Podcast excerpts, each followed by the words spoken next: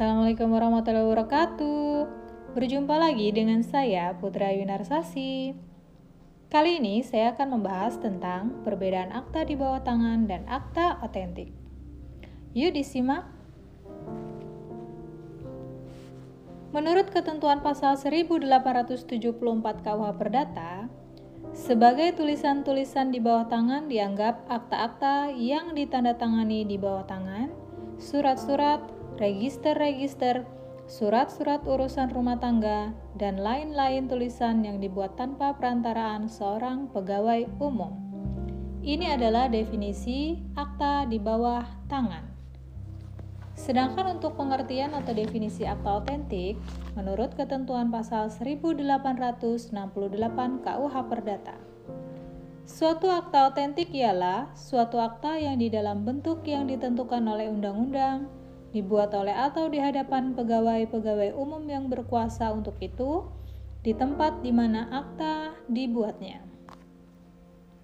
Sedangkan definisi akta Istilah akta berasal dari bahasa Belanda akte atau akta dan dalam bahasa Inggris act atau deed.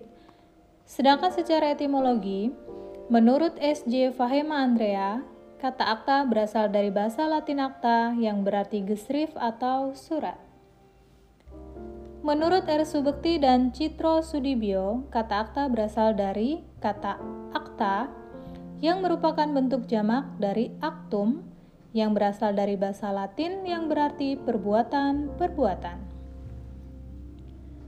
Apitlo yang dikutip Suharjono mengemukakan bahwa akta adalah suatu surat yang ditandatangani, diperbuat untuk dipakai sebagai alat bukti, dan untuk dipergunakan oleh orang lain untuk keperluan siapa surat itu dibuat.